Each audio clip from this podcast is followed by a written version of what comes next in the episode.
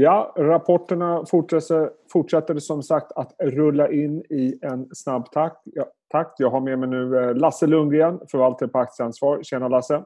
Hej hej! Hur är läget? Hinner du med att prata med mig verkligen? Ja, det är fullt upp. Det är mycket rapporter. Det är väl egentligen idag som den största dagen har dragit igång va? med tungvikterna. V vad tycker du så här eh, långt in i rapportperioden? Vad, är du nöjd eller missnöjd? Jag är nog ganska nöjd. Jag, jag skulle väl imponeras över eh, hur bra man har hållit i kostnaderna. För det har ju inte blivit riktigt den paniken vi såg. Jag tror att många har präglats av vad bolagen sa de första veckorna i april där när, när Q1-rapporterna kom. Då, då var det många som pratade om minus 30, kanske minus 40 procent. Det har hängt kvar lite grann, men det har absolut inte blivit så illa. Eh, ska vi slänga oss in på några av dagens rapporter? Och, eh, jag tycker i alla fall att Atlas Copco är dagens höjdpunkt. Eh, och eh, det ser ut som resultatet, eller de flesta siffror kommer in lite bättre än väntat. Jag tror lönsamheten kanske var lite lägre. Eh, men ändå så faller resultatet year on year med ungefär 20 procent om jag såg rätt. Hur skulle du sammanfatta den rapporten? Eh, rapport, siffermässigt så är den ju stark. Det måste man ju säga. Både omsättning och resultat är ju faktiskt bättre än, bättre än befarat kanske vi ska säga. Vi har nog skrivit ner, som jag sa tidigare, alldeles för mycket. Orderingången var väl eh, ungefär som förväntat. Och jag skulle tänka mig, aktien faller lite hittills i alla fall, så det är nog orderingången man tittar lite mer på. Ja, för om man tittar på orderingången, den är ner 17 procent tror jag det var i andra kvartalet. Eh, jag tror att den var ner 2 i Q1 och den låg väl kring noll tidigare det här, och jag tror book to build var väl under ett i det här kvartalet. Och tittar jag på aktien så är den på all time high. Den har gått jättestarkt i år. Vad är värderingen? P tal på över 25? Eller har jag fel? Ja, det, det, låter lågt. det låter lågt, säg närmare 30 då. Förklara för mig hur det är möjligt att det här verkstadsbolaget kan ha så hög värdering och gå så bra när trots allt orderingången är så otroligt svag och har varit ganska svag ett tag. Ja, det är naturligtvis deras historik. De har ju varit oerhört duktiga på att hantera kriser förr. Jag menar, även i finanskrisen så såg vi aldrig något förlust, någon större förlust för Atlas Copco överhuvudtaget. Man seglade igenom. Marginalen halverades i princip och sen så steg den igen. Och om det här skulle vara bottenpunkten, mm. då är det ju oerhört imponerande. Om det här alltså är bottenpunkten i den värsta lågkonjunktur vi har sett, den djupaste sedan depressionen, då måste man ju säga att det är bra gjort. Men jag tror ju att orderingången för de olika affärsområdena vittnar ju lite om att Q3 kommer ju inte heller att bli jätte, jättebra. Det känns ju inte så i alla fall.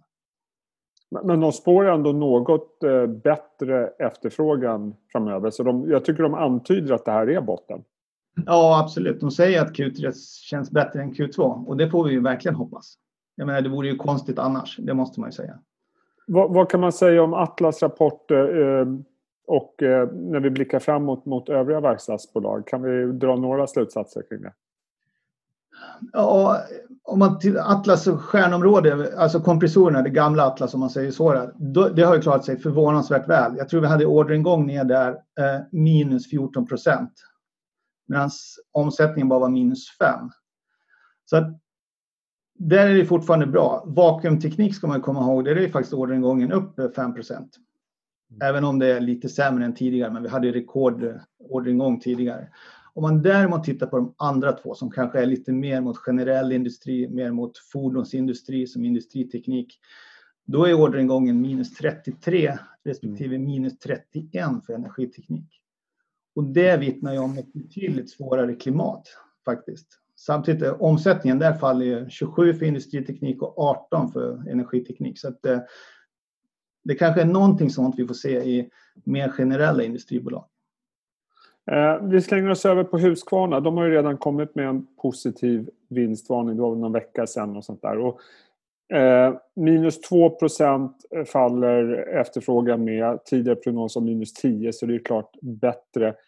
Men det här är ändå topp toppen på trädgårdssäsongen och då har man minus två. Borde det inte vara bättre när det har pratat så mycket om hemester och allt sånt där? Mm, det, kan man ju, det kan man ju tycka faktiskt, eh, att det borde vara lite, lite bättre. Eh, minus två ska man komma ihåg är inte korrigerat för consumer products som man tog bort, eller consumer brands. Så att egentligen var det väl plus 3. Eh, vilket då i sammanhanget känns ganska okej okay då. Får man väl lov att säga. Men där har du ju då en tydlig eh, tilt åt Gardena, affärsområdet Gardena som gjorde ett fantastiskt resultat. Man en rörelsemarginal på 26,3 om jag inte minns fel. Jag tror att drygt 20 var väl rekordet förut. 26,3 är ju fantastiskt bra. Om någonting så får man väl säga att Husqvarna, affärsområdet Husqvarna, kanske var lite, lite light då. Okay. Men om, om man blickar framför, det här är en aktie som har också gått eh, hyggligt bra i år va? Eh, kanske inte fullt lika bra som Atlas. Eh, och det är många som pratar om det här med hemester och eh, så vidare, att efterfrågan ska vara så bra. Eh, men frågan är hur kommer det se ut? Alltså jag har diskuterat med andra förvaltare om att det inte är risken här nu att det blir lite baksmälla nästa år om nu alla ska göra de här investeringarna nu med, med altaner och trädgårdar och tomter och hus och så vidare. Vad, vad, hur tänker ni? Jo, absolut. Jag håller helt med. Det, det finns ju en stor risk för det. Eh, jag menar, om vi under vintern här får ett vaccin eller även om vi inte får ett vaccin så kommer ju den här medicinska situationen att lugna ner sig till nästa sommar. Så beror det ju lite på vad man har sålt här. Va? För att eh, man kommer ju inte att köpa en ny gräsklippare igen. Det är ju inte den typen av produkter köper man ju mer sällan. Så att eh, har man sålt väldigt mycket nu så, mm. så kommer nog försäljningen nästa år att bli svår att matcha helt enkelt. Tycker du att marknaden prissätter det? Eller prissätter man att det ska fortsätta vara väldigt stark efterfrågan? Jag tycker att Husqvarna är helt okej okay värderat på de här nivåerna. Vi ligger drygt 80 kronor. Va? Däremot så börjar jag väl känna just att om vi går mot svårare komps nästa år mm. Så blir det kanske lite, lite svårt. Va? Det, får, det får inte backa för mycket. Sen är väl den stora frågan att det har ju varit mycket snack om robotgräsklipparna länge och hur det ska gå i USA och så vidare. Jag tror att man behöver se att Husqvarna-märket tar lite mer fart och även att robotgräsklipparna får lite mer traction för att lyfta aktien liksom ännu mer här. Sen om den ska stå i 80 eller 90, det är väl hugget som stucket. Men ska vi lyfta från den här nivån och hö betydligt högre, då tror jag att vi måste se den här robothistorien ta fart. Men hittills så, allt, allt är bra. Med, vi har ju ny VD Henrik Andersson på plats det känns ju bra, än så länge. Och eh, så går vi över då till en eh, gammal förvaltarfavorit och det är Dometic. Eh, när de kom med sin Q1-rapport så var VD Juan väldigt tydlig med att april har varit hemsk. Betydligt värre än mars. Nu har Q2 kommit in. Hur ser den ut? Hur illa ja, blev det? Den här är ju betydligt bättre än väntat. Siffermässigt så är ju framförallt resultatet då betydligt bättre än väntat. Så att även här så har man varit duktig på att hålla i kostnaderna. Men, men samtidigt om jag tittar på Dometic, jag, jag har ju klagat lite på dem tidigare för att deras orderingång, eller deras organiska tillväxt ska jag säga, har ju den har sjunkit i ett par år och nu kommer i det här kvartalet så är det väl ner närmare 40 procent. Visserligen håller man upp marginalen bra, det har de varit duktiga på tidigare. Även om det är lägre än vad det ska vara i Q2 som är säsongsmässigt ganska starkt. Aktien har ju i princip helt återhämtat sig från eh, eh, det stora fallet där i februari-mars. Eh, och, och, jag tycker ändå när jag läser rapporten att det är fortsatt osäkert. Man har sett en viss förbättring i eh, efterfrågan här under andra halvan av maj och framåt. Varför är det fortfarande en förvaltarfavorit med tanke på hur efterfrågan har liksom gradvis sjunkit i ett par år? Jag tror att det har varit en bra story faktiskt och eh, kanske just att man har lyckats hålla i kostnaderna som man har sagt så har man, så har man en viss trovärdighet bakom den här storyn. Man har ju faktiskt flyttat en del produktion från Kina till Mexiko. Man har gjort en del förvärv. Eh, så Juan har ju lyckats ganska bra där. Sen har man ju haft en ganska svår marknad emot sig. Eh, och där har man väl ändå lyckats hålla i kostnaderna. Men jag, jag kan hålla med dig att framtiden ser ju lite svårare ut och det gäller väl många bolag där man säljer väldigt dyra produkter. För det vi hittills har sett av den här krisen, det är ju bara den akuta fasen och nu har vi fortfarande enorma stödåtgärder vilket gör att många kan behålla sin disponibla inkomst. Frågan är ju hur det ser ut i höst här, om arbetslösheten börjar komma höst och vinter. Ja, för det är lite det min känsla när jag tittar på många av de här rapporterna att den allmänna marknadsvyn är att det här var botten. Det blir inte sämre än så här. Och som du nämnde med Atlas och även Dometic som håller upp marginalerna. Kan det inte bli, blir det inte sämre än så här, ja men då är det ju faktiskt en riktigt bra bas när vi går framåt. Men osäkerheten känns ju ändå som att vi, vi vet inte riktigt vad som kommer hända i höst. Är det så ni tänker också då? Eller? Ja, alltså osäkerheten är ju monumental. Mm. Eh, och jag tror att många har underskattat hur mycket stimulanserna, de finanspolitiska stimulanserna, speciellt i USA med CARES Act och man har alla möjliga Paycheck Protection Program och så vidare och så vidare. Men alltså att, att man ger 600 dollar extra i veckan till alla som kan få arbetslöshetsersättning. 600 dollar extra i veckan. Mm. Det är 2400 dollar i månaden. Utöver vad du har tidigare. Det är en enorm boost till disponibelinkomsten. Nu, nu slutar det här den sista juli då. Mm. Men nu kanske det blir en förlängning med Heroes Act som de kallar det. Då skulle det bli en förlängning ända till januari. Vi får väl se hur det blir.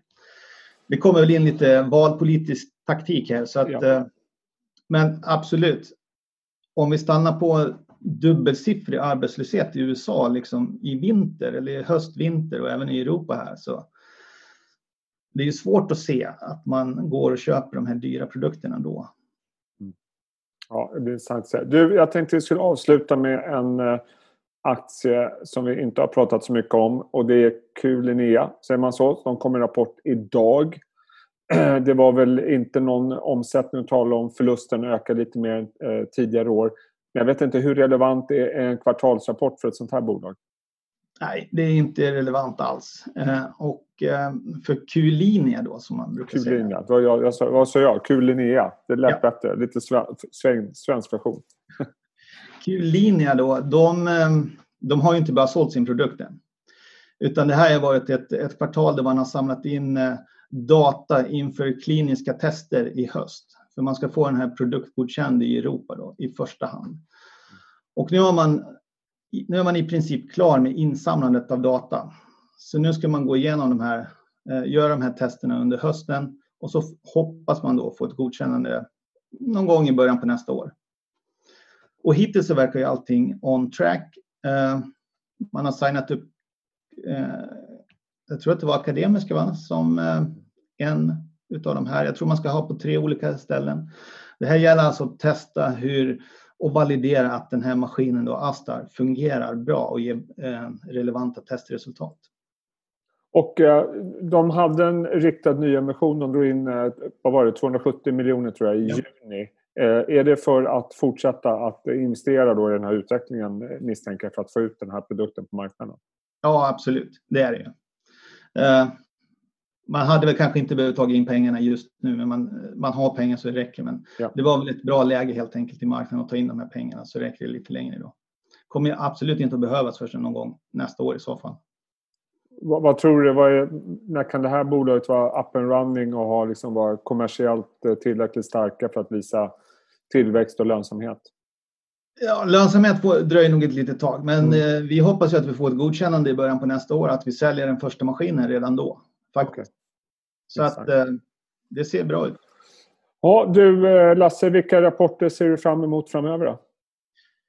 Ja, man måste väl titta på de riktigt stora naturligtvis. Det blir oerhört spännande att se vad Volvo säger. Mm. Vi hade... Kommer imorgon va? Ja, jag har det. Vi hade Haldex idag som pekade lite grann på, de pratade om lastbilförsäljning minus 59 procent. Mm.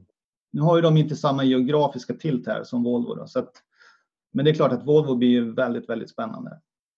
Ja, ja det ser fram emot. Det ska vi prata om imorgon. Inte du och jag, men jag och en annan gäst. Eh, kul att snacka med dig Lasse. Gå tillbaka och jobba nu. Jag misstänker Jajamän. att det finns en del att göra. Yep. Sköt om dig. Tack. Hej på dig. Hej.